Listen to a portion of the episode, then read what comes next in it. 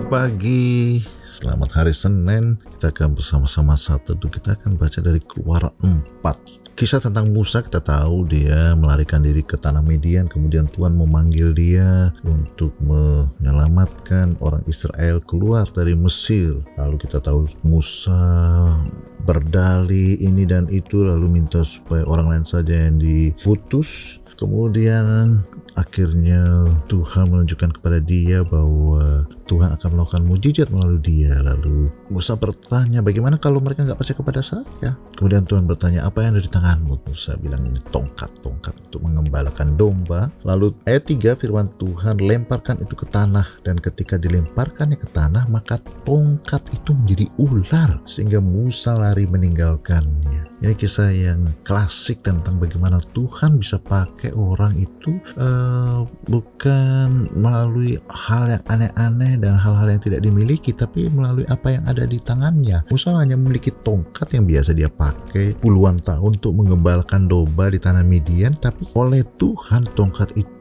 bisa dipakai untuk melakukan mujizat dan saat itu dirubah menjadi ular ya. Tapi luar biasa yang lucu di sini adalah Musa yang hebat yang kita kagumi itu ketika melihat tongkatnya sendiri menjadi ular dia lari meninggalkannya. Jadi kadang-kadang kita itu mengharapkan Tuhan memberikan kita sesuatu yang hebat dari langit padahal apa yang ada pada kita sendiri itu kita bisa pakai. Anehnya sering sekali kita tidak menghargai dan kita mungkin menjauhi seperti Musa ketika tongkatnya bisa dipakai malah dia lari. Kadang-kadang kita mengharapkan Tuhan memberikan kita sesuatu yang hebat yang kita tidak miliki. Padahal mungkin yang kita miliki ketelitian kita, kita orang yang rajin, kita orang yang cermat, kita orang yang punya bakat sedikit, mungkin di mata kita, tapi Tuhan bisa pakai itu untuk menjadi sesuatu yang besar.